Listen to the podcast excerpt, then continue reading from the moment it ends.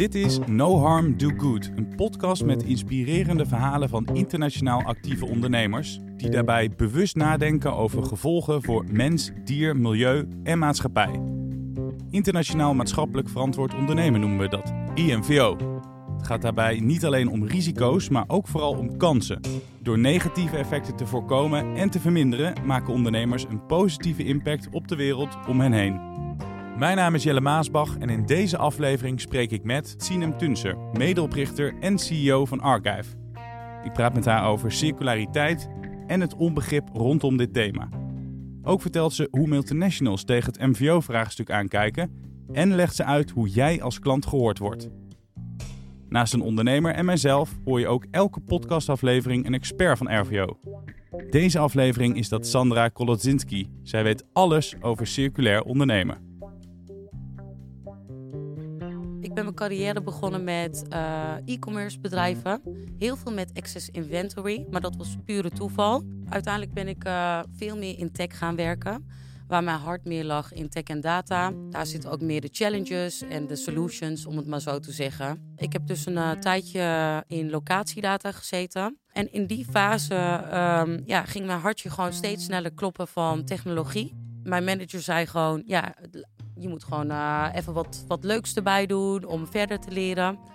Um, en omdat ik al supply chain management had gestudeerd, was het eigenlijk een logische vervolg om daar verdieping aan te geven in terms of technologie. Dat was heel pittig, maar uh, uiteindelijk ben ik super blij dat ik dat heb gedaan natuurlijk. Ja, toen zat je daar en toen zei je, ging mijn hartje sneller kloppen eigenlijk van, van het ander. Hoe ben je op Archive uh, gekomen? Ik had hele goede leiders. Uh, onder andere oud-CEO's van Greets en et cetera. Um, dus zij hebben mij heel goed vormgegeven als soort van uh, leider, om het maar zo te zeggen. Uiteindelijk hebben zij besloten om het bedrijf te verkopen. En langzaam was ik eigenlijk op zoek naar een nieuwe journey. Ik wilde gewoon wat meer meaningfuls doen. Maar eigenlijk wist ik nog niet goed precies wat. Toen had ik een digital transformation project aangepakt. Uh, waren eigenlijk brokers die heel veel excess stock opkopen. En dan eigenlijk pushen naar bijvoorbeeld Zuid-Afrika of landen met low purchasing power. Nou een tijdje daar gezeten, dus de andere kant een beetje van de industrie daar gezien. Toen was ik uh, op een gegeven moment met vriendinnen aan het praten binnen de cosmetica branche. En toen was ik eigenlijk nieuwsgierig van, wat doen jullie eigenlijk met excess inventory? En dit was in oktober 2019. En zij zeiden eigenlijk gewoon, ja, dat doen we vernietigen. Uh, dat is gewoon al die dingen die ik naar jou meeneem gratis. En toen dacht ik, hè? Dat doe je vernietigen. Alleen het interessante hier aan dit hele verhaal vond ik, ze zei het vooral met, ze had geen awareness met wat ze zei. Zij vond niet erg wat ik wel erg vond. Uh, waardoor ik eigenlijk gewoon uh, steeds nieuwsgieriger werd. Dus ik ging eigenlijk een beetje prikken van hoeveel, waar, wanneer, waarom. Uiteindelijk kwamen we dus op een beetje op de archive journey. Ja, want uh, er is veel mis met de cosmetica-industrie op dit moment, waardoor jullie met archive moesten beginnen. Klopt helemaal. Er wordt heel veel weggegooid. En dan uh, wil je daar eigenlijk een stickertje op plakken. Wat is heel veel. Fashion is natuurlijk op het moment heel erg under fire. Maar we moeten ons niet vergissen dat elk consumersegment heeft hetzelfde probleem. Elk bedrijf die eigenlijk stok produceert en die eigenlijk global opereert, heeft eigenlijk een supply chain challenge in deze fase. Dus de problemen binnen de cosmetica zelf, vind ik dat ze er eigenlijk al veel te lang mee wegkomen. En als je dus ook met die industrie praat, met heel veel en et cetera, was eigenlijk nog twee jaar geleden kon ik geen nummers vinden. Dus het moment wanneer ik voor het eerst met die vriendinnetjes aan het praten was, waarvan één eigenlijk met me wilde samenwerken als co-founder, heeft die eigenlijk best wel snel zijn we uit elkaar gegaan, omdat zij werd bedreigd met 10.000 euro boete per dag. En uh, dat ze niet over het probleem mocht praten. En uh, dat ze nooit zoiets wilde oplossen of überhaupt samenwerken of erover wilde praten. Uh, dus eigenlijk uh, het probleem nummer één, als je er niet over wil praten of er niks aan wil doen, dan kunnen we het ook niet oplossen. Merk je al dat er wat verandering plaatsvindt in de industrie? Te langzaam, vind ik. Ik ben bijvoorbeeld laatst naar een, uh, een hele grote global player geweest in Londen. Zij hebben gewoon een contract nu met me getekend en ze gaan met mij akkoord voor de komende jaar. Alleen, ze zeggen ook gewoon in mijn gezicht, we don't care. Letterlijk, we don't care, about de uh, all the things you're saying. Je moet het wel doen, want we weten dat we hè, aan jouw aan jouw kant moeten zitten, want we weten dat de wereld gaat veranderen.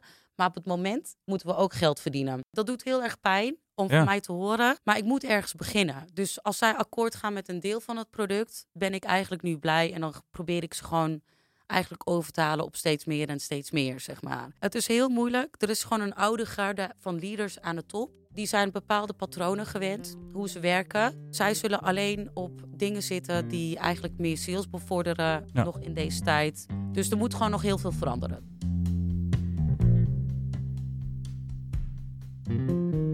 Sandra, merk jij dat veel ondernemers moeilijkheden ondervinden met betrekking tot de circulariteit? Ja, dat is natuurlijk best een, eh, een, een containervraag. Want de ene ondernemer is, is de andere niet. Ehm, ik denk dat het misschien even goed is om op te splitsen in twee soorten ondernemers. Waarin we echt wel grote verschillen zien. Eh, en dat, dat zijn de circulaire ondernemers, die echt een businessmodel circulair hebben opgezet. Eh, en die lopen weer tegen andere problemen aan dan de ehm, ondernemers die hun businessmodel meer in het lineaire systeem hebben opgezet. en dus al gevestigd zijn en meer om moeten richting een circulaire economie. Ehm, en die circulaire ondernemers, ehm, ja, er zijn superveel goede initiatieven, maar we zien vooral dat die moeite hebben met de opschaling. eh, omdat die met hun nieuwe initiatieven eh, eh, werken in een systeem die daar nog niet op is ingericht. En dan loop je ook een beetje tegen die systeemverandering aan, die we proberen te bewerkstelligen. Ehm, eh, ja, dat we nog die kritieke massa missen, waardoor zij kunnen opschalen en, en, en kunnen groeien. Eh, en aan de andere kant zie je de, de meer gevestigde ondernemers. Ehm, ja, die, maken, die verdienen al een geld, die hebben een businessmodel staan. eh, en, en die hebben weer moeite met, dat- met dat omvormen richting een circulaire economie, verduurzamen. Ehm, je ziet natuurlijk ook veel, veel greenwashing voorbij komen. Heel veel bedrijven hebben goede plannen, zoals Sinem ook al zei. Heel vaak liggen de plannen liggen er wel eh, om te verduurzamen, maar de, de uitvoering kan, eh, ehm, nou ja, die kan zeker nog sneller. Ehm, ik denk dat het altijd moeilijker is om iets van binnenuit te veranderen dan om iets compleet nieuws te beginnen.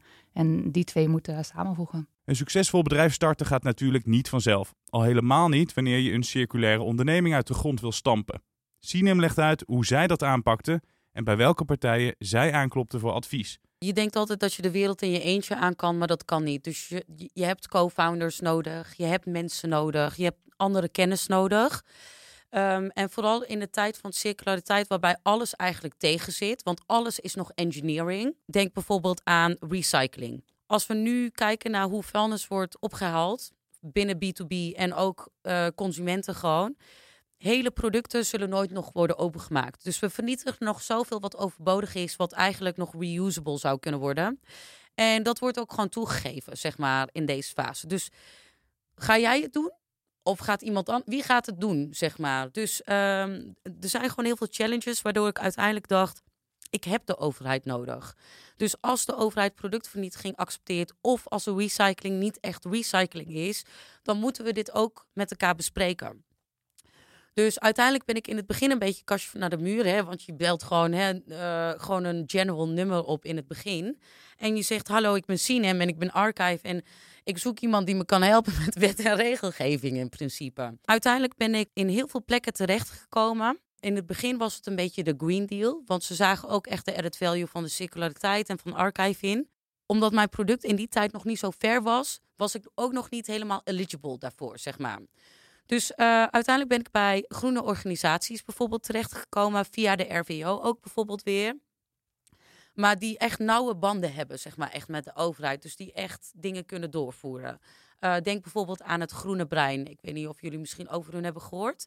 Dat zijn gewoon wetenschappers die circulariteit pro- proberen te bevorderen. Met hen heb ik heel veel gedaan. Eh, ronde tafels proberen te organiseren met de cosmetica-industrie, eh, de cosmetica-branche en dat soort topics. Ehm, eh, waardoor zij ook een beetje eh, gingen helpen. Ehm, ze hebben me heel erg geholpen, ook bijvoorbeeld een beetje met media. We hebben heel veel gepraat over wet en regelgeving. Ik ben nu een onderdeel ook van bepaalde agenda-topics van chemische producten en circulariteit. Waarbij wij onze input mogen geven, omdat wij zelf heel veel analyseren. Waardoor ik ook weet welke veranderingen als eerste komen, die ik eigenlijk commercieel ook natuurlijk stiekem wederom kan gebruiken om die industrie sneller over te halen of whatsoever. Het is misschien een beetje een open deur, maar wat uh, hebben ondernemers aan, uh, aan deze hulp? Ik denk erg veel. En dat zal, voor de ene ondernemer zal dat heel veel zijn. Uh, zoals Sinem aangaf, voor haar opende het wat, wat deuren. eerder kreeg ze weinig gehoor, moest ze veel moeite doen met mensen in gesprek te komen. En um, nu kom je direct bij de juiste mensen terecht. Ik denk dat soms uh, kan het voor ondernemers best een, een, een, groot bos zijn waar je nou moet zijn als je wil verduurzamen, als je richting circulair, circulair wil. Um, waar moet je beginnen? Bij wie moet je aankloppen? Het, het, het is erg veel wat er is. En, dit helpt om, om daar wat meer duidelijkheid in te krijgen. Er zijn veel subsidieregelingen waar circulair onder zit. Maar ook circulariteit, het is alles. Het is de hele economie. Het zijn alle productieketens, dus het gaat overal dwars doorheen. Uh, dus het is wat moeilijker te, um, te vatten uh, dan, dan één, één product of, of één onderdeel van de economie. Um, dus nou daar proberen we duidelijkheid in te scheppen en uh, informatie te voorzien, kennis te geven, um, de subsidies aan te passen op, de, op wat er nodig is op dit moment. En ondernemers daarin verder te helpen. Wanneer je binnen Nederland onderneemt, zijn er heel veel verschillende potjes subsidie waar je een beroep op kan doen. Eenmaal de grens over blijkt dat wel wat lastiger. Dat ondervond Sinem toen ze met Archive de stap de grens overzette. Als jij bijvoorbeeld in deze fase een subsidie aanvraagt, omdat jij iets goeds wil doen, dan zeggen mensen: Ja, maar zit je in Nederland of in het buitenland? En want alleen krijg je een subsidie als je in Nederland zit. Nou, ik kan je al vertellen, een product die met 38 ingrediënten uh, bij elkaar wordt gemaakt, dat die all over the place zit, zeg maar. Dus um, het is niet één ding wat je aan het, aan het doen bent in principe. Lastig, maar niet onmogelijk. Sandra legt uit hoe RVO jou kan helpen bij een internationale subsidieaanvraag. Er zijn natuurlijk ook Europese subsidies en daar die subsidieaanvragen zijn wel altijd, altijd lastig. Maar RVO heeft daar ook, ook webinars voor. Uh, uh, er zijn heel veel uh, experts die er van alles over weten en daarbij kunnen helpen inderdaad. En vooral of het interessant is of niet. Um, op de website van RVO staat een subsidiewijzer waar je heel makkelijk kunt invullen. Ik heb interesse in deze markten uh, en ik heb financiering nodig voor een bepaald onderdeel. Uh, en dan komt eruit welke subsidies voor jou um, belangrijk kunnen zijn of, of interessant kunnen zijn. Um, maar ook als je buiten de subsidies kijkt, uh, ook op de website van het Versnellingshuis staat een een soort financieringswijzer, waarin je uh, ook buiten de subsidies kunt kijken, joh, waar kan ik mijn financiering vandaan halen? Dus ook met al dit soort vragen proberen we ondernemers zoveel mogelijk te ondersteunen en, en te helpen en ze een beetje wegwijs te maken um, in, in de mogelijkheden die er zijn. Ja, en als we aan het buitenland denken, dan uh, denken we ook aan die handelsmissies. Heel vaak gaan ondernemers mee met de overheid naar een land waar ze van tevoren misschien niet echt een ingang hadden, maar dan helpt de overheid ze een handje, zou je kunnen zeggen. Um, kan je als ondernemer makkelijk mee op zo'n handelsmissie? Zeker, je kan je er altijd voor aanmelden. Het is denk ik wel altijd eerst goed om wat, wat vooronderzoek te doen welke markten voor jou interessant zijn. Maar ook daar proberen we ondernemers zoveel mogelijk in te ondersteunen. Holland Circular Hotspot is een publiek-private samenwerking um, tussen uh, eh, RVO en ook de stichting Holland Circular Hotspot. En zij helpen uh, circulaire ondernemers, Nederlandse circulaire ondernemers, met de internationalisatie. Dus ook welke, um, welke markten zijn interessant. Zij hebben um, partners over de hele wereld, uh, andere hubs en hotspots die de lokale situatie weten en daarbij kunnen helpen. daarnaast kan ik ook altijd gebruik maken van het ambassadenetwerk. De ambassades, uh, Nederlandse ambassades uh, in het buitenland, die, uh, die weten wat er speelt en wat belangrijk is om op te letten.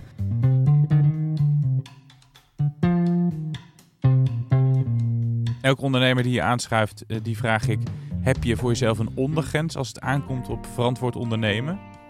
Weet je wat die voor jou is? dat is een hele goede vraag, want ik denk ehm, dat elke ondernemer deze uh, vraag aan zichzelf stelt. Vooral wanneer je met investeerders werkt. Omdat uh, groei is heel belangrijk. En, uh, en groei is belangrijk voor twee dingen. Je wil niet ingehaald worden. Je bent bijvoorbeeld de eerste of whatsoever.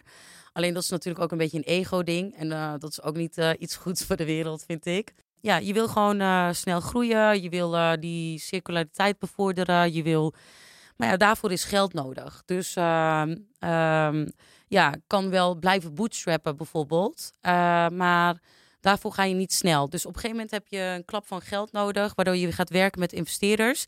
En investeerders die gaan uh, heel erg natuurlijk op, op groei zitten, dus uh, nummers. Dus op een gegeven moment gaan er van die dingen komen, net als dat je jezelf gaat afvragen van, ik ben tegen grey markets. Maar soms is die grey market sales ook makkelijk om revenue bijvoorbeeld binnen te halen. Dus ik heb wel eens bij mezelf gedacht, zou ik het nou doen om een nummer te laten zien, zeg maar, of zou ik het niet doen? Dus je gaat jezelf op een gegeven moment kom je tegen zo'n uh, kruising aan, om het maar zo te zeggen. Maar uiteindelijk heb ik altijd voor gekozen niet, waardoor ik heel veel op mijn flikken krijg van mijn investeerders. Alleen geloof ik dat toch eerlijkheid een beetje het langst duurt. En ik wil toch die eerste worden die niet aan greenwashing doet, zeg maar. Als je op een feestje komt en iemand zegt tegen jou, wat is jouw ultieme doel met Archive? Wat zeg jij dan? Dat is echt circulariteit. En wanneer is het ultieme doel bereikt?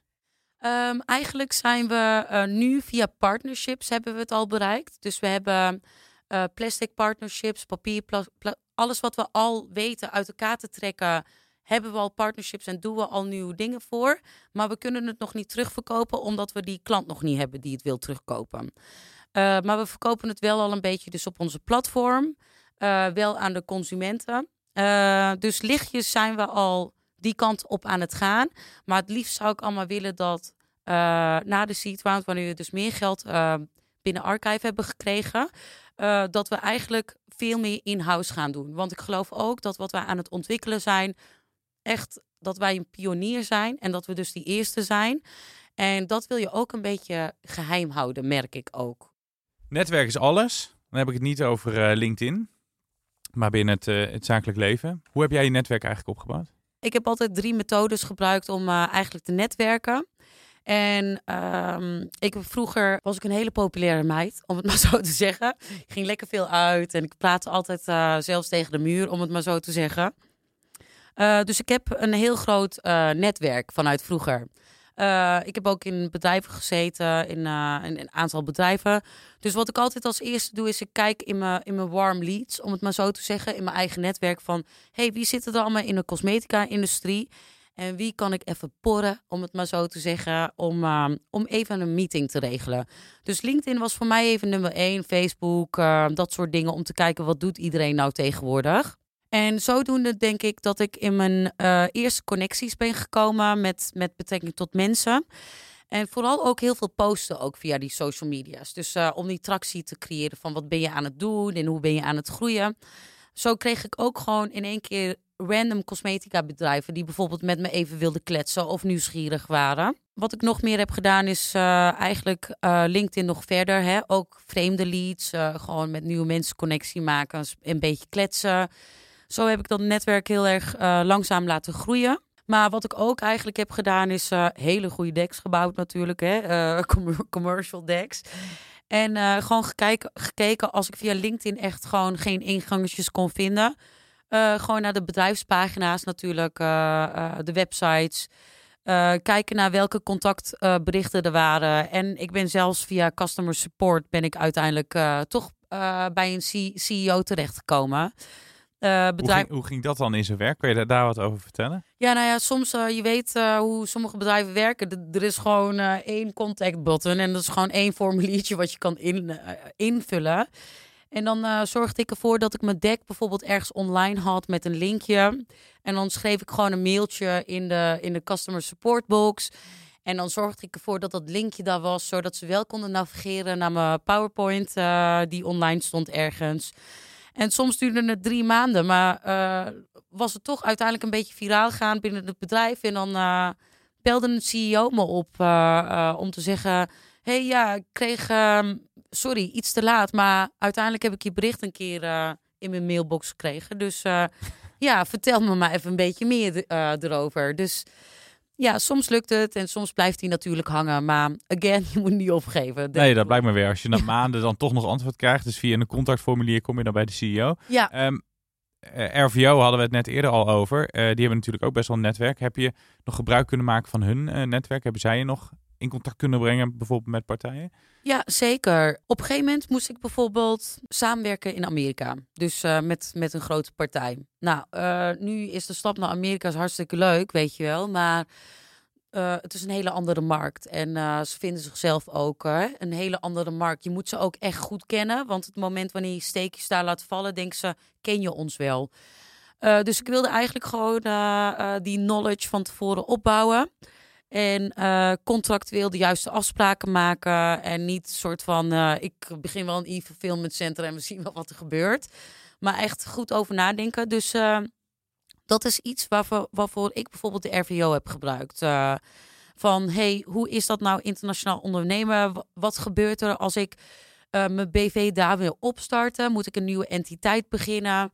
Um, en via hun ben ik al bijvoorbeeld achtergekomen dat, dat het een half jaar duurt om daar een BV te beginnen. En uh, het is echt niet zo goedkoop als hier in Nederland de 500 euro. Maar dat je er echt wel uh, misschien een halve ton of zo tegenaan moet gooien voordat je er, voordat je er zit met een BV. Uh, maar dat er andere mogelijkheden zijn, als branch, et cetera. En ik ben via hen ben ik in contact gekomen met bepaalde, bijvoorbeeld Nederlandse advocaten die in New York zitten, die eigenlijk alleen daarop focussen. Waarbij ik bijvoorbeeld in de eerste afspraak even een gratis gesprek mocht en heel veel vragen mocht stellen. En in case dat het natuurlijk goed gaat, gaan zij alles voor je opbouwen en, en dat soort dingen. Dus hele prettige contacten met kwaliteit ook, zeg maar, via de RVO eh, gekregen. Hoe helpt de RVO bij het vinden van, van de juiste personen? Hoe doen jullie dat in de praktijk? We hebben op alle landen hebben we um, weer een soort experts zitten die contact hebben met de ambassades daar. En dat is natuurlijk ook het belang van van onze Nederlandse ambassades wereldwijd. Uh, die hebben de contacten en de connecties. Um, als je op een handelsmissie meegaat, word je met mensen in contact gebracht. Um, we doen aan matchmaking. Dus als je een bepaalde behoefte hebt, koppelen je aan, aan lokale partijen. Uh, er zijn ja, heel veel mogelijkheden, zowel om op missie mee te gaan als alleen al zo'n vraag te stellen van joh, ik heb interesse in een bepaald land, kan, kunnen jullie me helpen met de lokale wet en regelgeving? Uh, stel de vraag. Wij moeten wel de vraag eerst weten voordat we hem kunnen beantwoorden. Uh, dus vooral benader RVO, Versnellingshuis, Holland Circular Hotspot. En klopt bij ons aan. Er wordt niet gezwaaid, maar jullie zijn eigenlijk van de zakelijke matches. ja, we proberen ondernemers op die manier verder te helpen. Ja, absoluut. Een heel mooie platform, ook online, waarin matchmaking plaatsvindt, ook op missies. En zo, ja, zo helpen ondernemers zoveel mogelijk verder, zonder swipen. RVO biedt jou als ondernemer dus een legio mogelijkheden om je verder te helpen op het gebied van MVO. Tot slot, advies van Sinem om jouw MVO-avontuur met vertrouwen tegemoet te gaan. Je moet geduld hebben en niet opgeven. Uh, want je gaat heel veel dichte deuren krijgen. En ja, als iemand drie keer de telefoon niet opneemt, dan is het natuurlijk niet meteen einde. Dus uh, je moet gewoon lekker doorgaan. En uh, dingen zijn aan het veranderen alle circulaire ondernemers die zeggen dat tegen elkaar om die hoop aan elkaar te geven. Maar dingen zijn echt aan het veranderen. En het is echt gewoon een beetje geduld en blijven pushen. En, en ik geloof dat we echt een groenere toekomst ingaan. Dank aan Sinem Tunser voor het delen van haar verhaal. En ook aan Sandra Kolodzinski van RVO. Dit was No Harm, Do Good. Due diligence houdt in dat je mogelijke risico's van je bedrijfsactiviteiten identificeert, voorkomt, beperkt en communiceert. Dit geldt voor je eigen activiteiten, maar ook voor de risico's in de toeleveringsketen en bij zakelijke relaties. Hoe neem je als bedrijf verantwoordelijkheid als het gaat om verantwoord duurzaam ondernemen in het buitenland? Lees zes stappen om te nemen op rvo.nl/slash imvo-do-diligence.